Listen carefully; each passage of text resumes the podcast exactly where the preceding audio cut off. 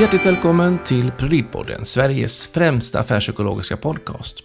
Det här är ett specialavsnitt där vi samarbetar med Sveriges HR-förening och möter talare och gäster direkt på plats under HR-dagarna 2018. Och som vanligt så är det jag som är Jan Blomström, affärspsykolog vid Prolid Ledarstöd, som möter drivna ledare och HR-experter som jag är extra nyfiken på. Men här har jag också fått förstärkning vid min sida i form av 2018 års Magnus Söderström-stipendiat Rickard Mårtensson, medgrundare och seniorkonsult vid Human and Heart HR. Så jag hoppas du har ett riktigt inspirerande avsnitt. Nu kör vi!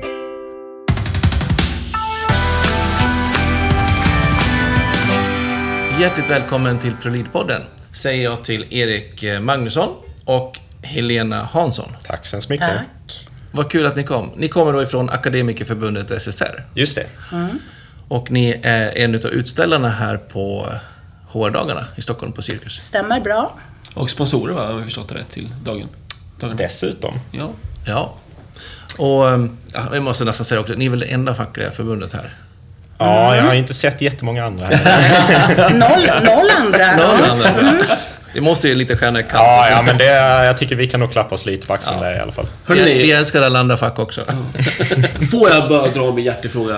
Absolut. Får jag börja med den? Börja med det. Innan vi börjar med kompetensutveckling och diskuterar de delarna så tänker jag att eh, eh, ni, ni, ni känner ju igen mig. Ni har ju till och med varit med och gett mig pris en gång tidigare för mina provocerande åsikter ibland.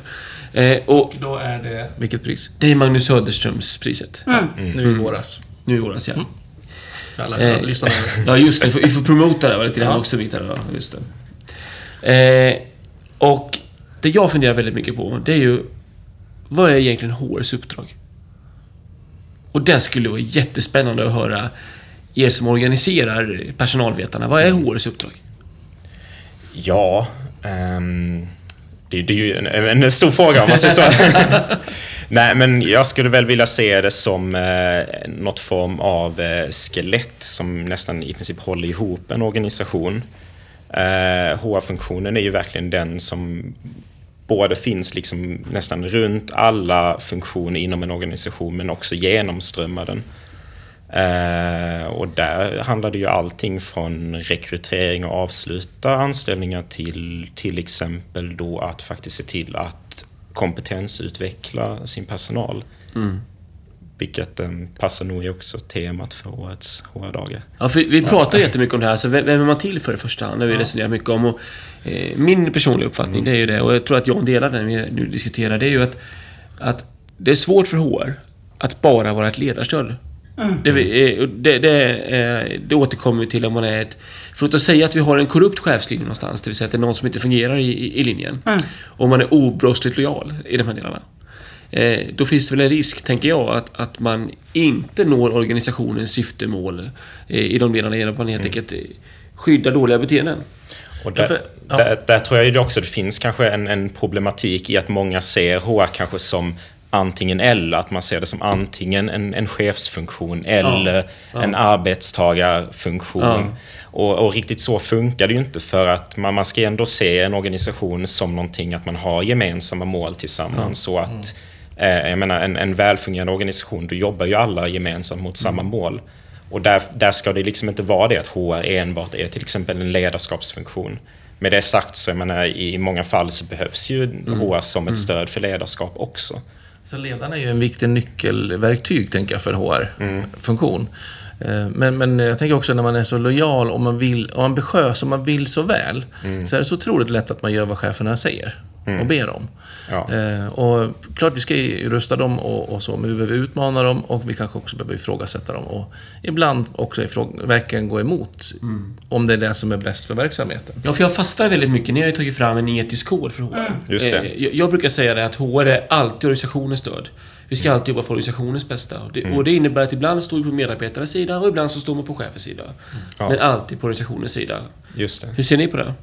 Jag tycker det, det låter väldigt, väldigt vettigt. Ehm, men med det sagt så ibland så får man ju också se, jag menar, eh, nu, nu blir det ju väldigt inne på etik och väldigt eh, från fall till fall. Och Och eh, man måste också komma ihåg att det finns människor bakom organisationer. Eh, och dessa personer ska må bra. Jag menar, det är ju verkligen en, en, en grundpelare i en, en välfungerande organisation. Så att går man för mycket från det till exempel, mm, då blir det kanske inte heller att man, det blir organisationens bästa. Nej, precis. För jag fastnade jättemycket för en... eh, Så jag, jag tyckte det lät väldigt klokt här. Jag tyckte ni skulle få berätta vad det betyder i... i, i på riktigt. Nu bläddrar jag här. Bläddrar jag här i. Och det ser ju vi som sitter här. Men ni gör det va? allihopa? Frågan är vad du bläddrar i för någonting. Jag bläddrar i, nämligen i Etik i HR-arbetet som är utgiven. Alltså etisk kod för personalvetare som Akademiförbundet säljer ut. Jättespännande skrift som jag rekommenderar många att läsa. För här skriver ni att personalvetare ska initiera eller vidta åtgärder för att komma till rätta till- med påtagliga kränkningar och missförhållanden orsakade av organisationens arbetssätt eller av chefers eller andra medarbetares agerande. Denna skyldighet kan bryta andra krav på lojalitet. Mm. Vad menar ni med det? Exakt som det står, skulle jag säga. Ja, men lite som du också nämnde tidigare, alltså att, att HR är för organisationen. Och, och att vara HR är ju världens, eller det ska jag inte säga, men ett oerhört knepigt uppdrag. Eh, lite utifrån hamburgerperspektiv. Eh, och jag har mött många HR genom mitt arbetsliv. Ehm, och jag tänker att det handlar om att vara trygg i sin, som för alla professioner, ju, ju mer trygg du är i din professionsroll, ju mer enklare blir det att hantera de här svårigheterna. Så att, självklart. Och jag tänker att exakt som du uttryckte det tidigare och som vi skriver i vår skrift. Det, det är så vi tänker. Och där kan vi också, liksom, bara för att ta med det perspektivet, att detta är ju faktiskt lagstadgat. Just den här, ehm, den här organisationen, alltså att man ska hålla koll på ehm, personliga förhållanden, att det inte ska, nu försöker jag hitta orden, men det ska inte ske kränkningar till exempel på arbets, eh, arbetstid, på arbetsplatsen. Folk ska kunna gå till jobbet och må bra. För lagskyddad fred Ja, men zon, precis. liksom. Det, det finns ju med i arbetsmiljölagen.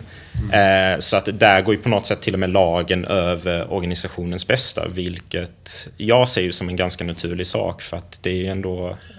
La, lagen går ju för, före organisationens eh, intressen till exempel. Just för att den har ett bredare syfte också, tänker Ja. jag. Och cheferna har ju ett, ett ansvar, tänker jag, att tillvarata det här. Just det. Men då blir ju HR-funktionen någonstans att man är en eh, intern revisor någonstans till det. Att man följer upp och kollar, sköter sig cheferna i det ansvaret? Exakt, och, och många gånger så är ju arbetsmiljöansvaret som ju är lagreglerat delegerat i leden. Ja. Eh, jag möter till exempel många gånger HR-personer eh, när jag är ute så och pratar arbetsmiljö. Eh, men mm, ja, med det sagt så är det ju aldrig, aldrig HRs HR kan aldrig ta över det ansvaret. Det är alltid Nej. yttersta VD eller vem det nu är, generalsekreterare, som har det yttersta arbetsmiljöansvaret. Men HR är lite satt, som vi säger här, att, att bevaka att det går schysst och rätt och riktigt till. Så att HR borde vara de som är experter på För de bitarna. är oftast experter också, men också oftast väldigt tacksamma när, när jag i min roll kommer ut och, och pratar arbetsmiljö. Eh, lite checklistor och såna här mysiga grejer liksom. Det, ja. Och jag menar, HR är också ofta väldigt, eller i de flesta fallen de som samordnar till exempel att man har eh, de här arbetsmiljöuppföljningarna med till exempel fackförbunden och eh, chefs, eh, till, eller chefsrollerna. Att de liksom arbetar tillsammans och på något sätt samordnar de här olika rollerna. I den bästa av världar så är det ju så på företag eller i organisationer att HR sitter med, skapar de här skyddskommittéerna, skapar samverkanssammanhangen eh, oj, och så. Det, det, och det, jag tycker HR är en sån otroligt viktig funktion. Eh, jag är lite småförtjust i HR. Ja. Så, ja, Vi är nördiga allihop tror jag. ja, det är nördarnas klubb här. Ja, men Ja. det är lite så. Vilket är då kanske baksidan på en sån här Just HR-dagar-grej. det, att det lätt att lite, klappa sig på axeln. ja, och, en liten ankdamm. Men vi försöker att vara lite grann utmanande. Ska vi hoppa Och in på därför temat vill nu? vi också, ja precis.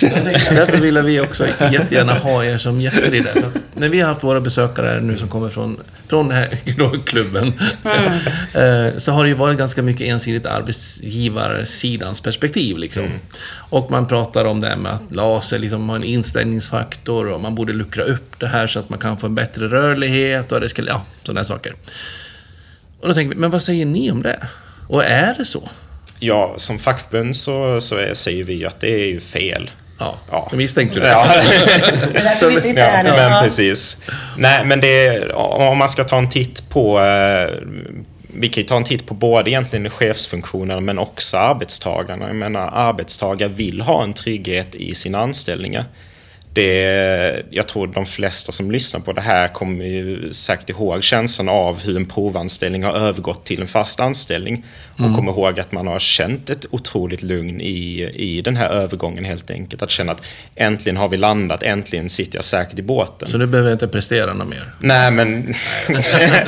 ja, inte riktigt. Men å andra sidan, jag menar, en osäker arbetstagare presterar ju också sämre. Man vågar kanske inte ta ut de här svängarna på samma sätt. Nej, men precis. Eh, Men sen så vet jag ju också att eh, Svensk chefsförening, alltså en, en av våra funktioner, alltså Akademikerförbundet SSS, ehm, Organisationer. Ja, organisationer. Organisation i organisationen. har faktiskt gjort en undersökning också på chefsmedlemmar eh, där man har sett att 8 av 10 chefer tycker inte LAS är något problem alls. Eh, så att detta visar också att det finns ju liksom egentligen inte riktigt något problem hos cheferna heller med LAS. Utan detta är ju mer på något sätt ett, ett sätt att eh, bryta ner den svenska modellen. Alltså att det är arbetsmarknadens parter som i princip tar kontrollen och istället lägger över den till politikerna. Och detta ser jag ju spontant som en inte jättebra idé. För det vi fått höra här från några talare i, i de här dagarna har varit att man vill ha en... Förstår jag rätt nu Johan, att man pratar om en, en, en större flexibilitet? Är det något som ni får höra i, i, i förhandlingarna med arbetsgivarorganisationen också? Ja, alltså det, det är ju det är klart att arbetsgivarna, ja, arbetsgivarna lyfter de här sidorna. Men å andra sidan så om, om vi ska ta knyta an detta till eh, kompetenstemat också så leder ju detta till också att man delvis ofta gör färre satsningar i kompetensutveckling på grund av att folk inte stannar lika länge. Men också det att eh, man faktiskt förlorar mycket kompetens på att man ständigt förlorar med, eh, anställda. Ja. Och då, Bara ett in, Ja. inflik. Eh, att, som, som, som du är inne på Erik, trygga, trygga anställda är bra. Alltså trygga medarbetare jobbar bättre. Mm. Och, och att då skapa, eller riskera att skapa en otrygghet, tycker vi är, är fel. Knasigt. helt konstigt liksom. Ja. Ja, men helt knasigt. Och det, flera av gästerna också har pratat om är att hur man verkligen ser arbetsplatsen som en eh, ställe för, en plattform för kompetensutveckling. Eh, och där behöver vi också, det finns ju mycket forskning på att trygghet skapar en bättre utveckling även där. Så både produktion och även utveckling. Ehm, men hur tänker ni kring, utifrån eh, ett fackligt perspektiv, då, med kompetensutveckling och kompetensförsörjning? Ja, ehm, och det, det vet jag inte nu vad de tidigare talarna har pratat om, men man pratar ju också väldigt mycket om att man måste börja sänka kompetenskraven in på arbetsmarknaden. Ehm, och det ser vi också som ett akademikerförbund på eh, som att det inte är en jättebra sak. Eh, Det har de inte sagt så mycket va, Nej, okej. Rickard? Nej, det har de inte. Nej. nej, nej, nej. Inte på de vi har träffat. Ja, okej. Jag har ändå fått höra det ute på, ute på golvet och, Ja. eh, bland talarna. Ja. Ehm, så att jag kände ändå att... Ja. Då, där, där känner jag ändå att man behöver lyfta den delen i alla fall. För att detta är ju en, eh, en otroligt viktig fråga för oss också. Att se till att rätt, det ska finnas rätt kompetenskrav på, eh, på liksom tjänster. Ehm, Det är klart att man ska inte ha godtyckliga kompetenskrav bara för att liksom på något sätt lägga någon form av ribba för att hålla vissa ute och andra inte.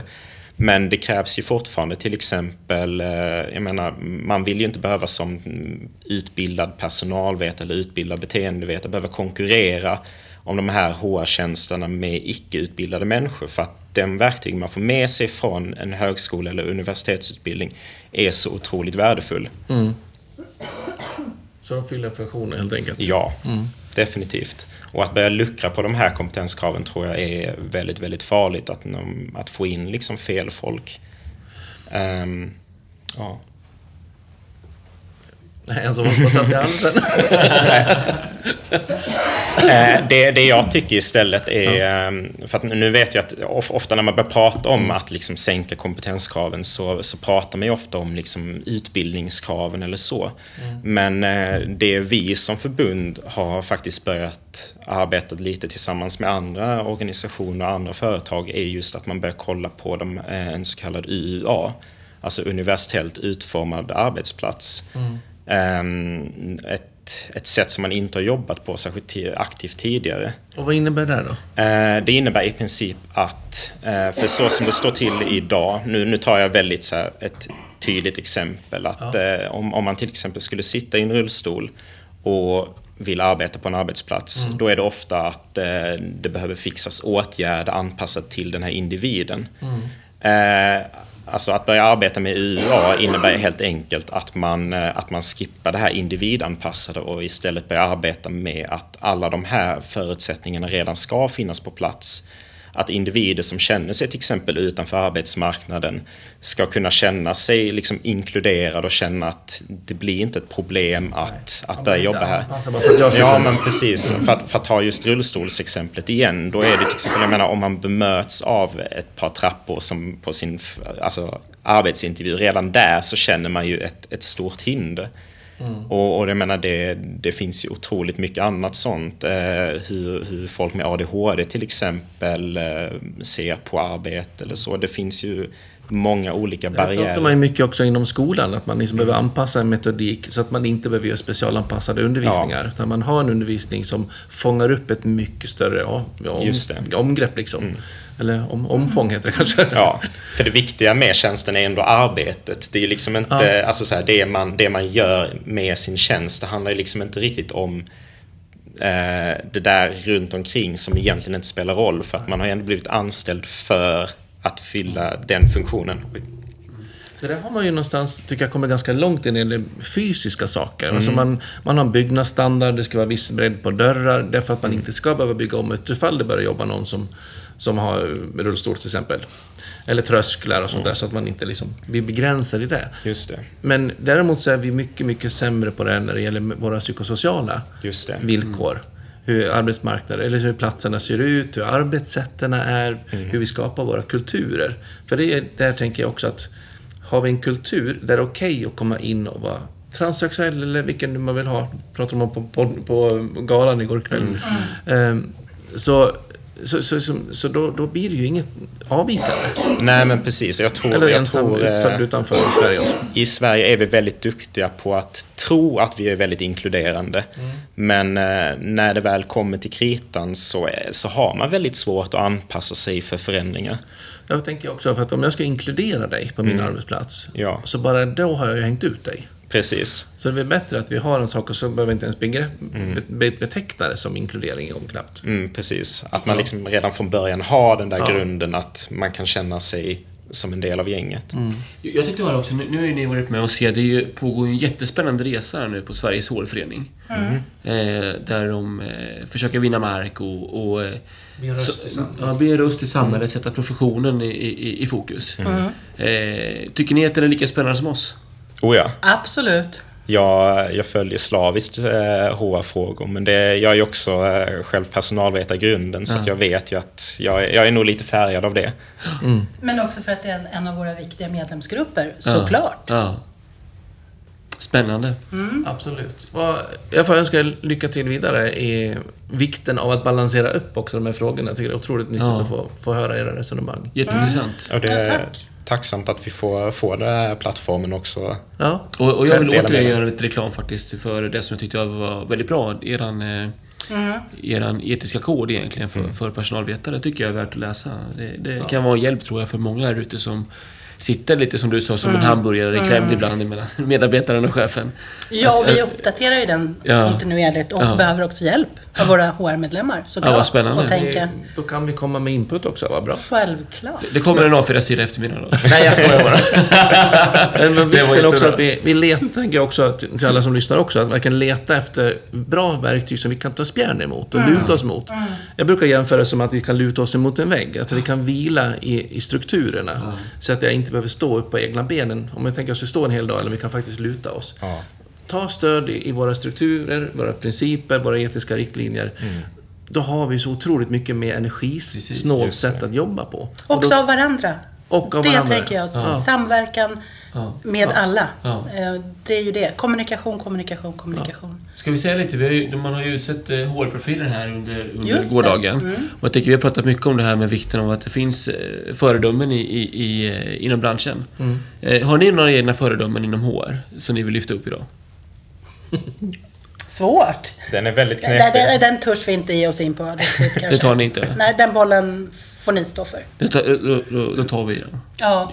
Och vi, vi, och, och, och vi hade jag menar, studenter på besök och de hade ingen Nej, förebild. det, nej, det var inte det. Nej, Nej, det men jag var- kan, jag kan ändå säga att eh, som, som förhandlande ombudsman så måste jag säga det att liksom alla de HR-funktioner jag kommer i kontakt med som ser oss som en tillgång och inte som ett hot eller som en fiende. De- De, de tycker jag... De nej, var men det, nej, men det, jag, jag tycker det, det krävs på något sätt ändå ett ödmjukt förhållningssätt att faktiskt kunna som, som en, en liksom funktion i, i maktställning också kunna vara delvis ödmjuk men också inse att man har inte lärt sig allt. Man är inte den som sitter på all information. Utan man jobbar ständigt med utveckling och hur blir vi bättre. Ja. Och jag tror det, ja, nej, det, det ser jag som en, en otroligt viktig, viktig egenskap att ha med sig som, eh, som HR i allmänhet. Att liksom ständigt sikta på utveckling. Jag tänker på det du säger, att man ser varandra som en resurs och tillgång istället för ett hot och problem. Eh, För mig är det en triad. Arbetsgivare, medarbetare och fackliga organisationer. Ja. Arbetsgivaren ska ju någonstans säkerställa att liksom dealen gör att, så att de får det de vill som arbetsgivarsida. Alltså. Just det. Jag som medarbetare, jag ska kunna checka av, får jag ut det jag behöver utifrån mina livsvärderingar och min livssituation. Och fackets del är ju primärt någonstans se till att inte vi liksom busar till det, utan vi ska följa, liksom, sköta spelreglerna. Just det. Och då blir vi otroligt viktiga komplement Ja. istället för konkurrenter. Och där blir det ju på något sätt också en återknytning till det vi pratade om i början. Att en, en välfungerande organisation, då mår människor bra. Ja. Eh, jag menar, det, i grund och botten ska man komma ihåg att fackförbunden och eh, arbetsgivarna vill ju egentligen nästan samma sak. Man vill ju liksom vara på ett företag eller en organisation som utvecklas, där folk trivs och man känner att det här är, det här är en del av mig. Ja.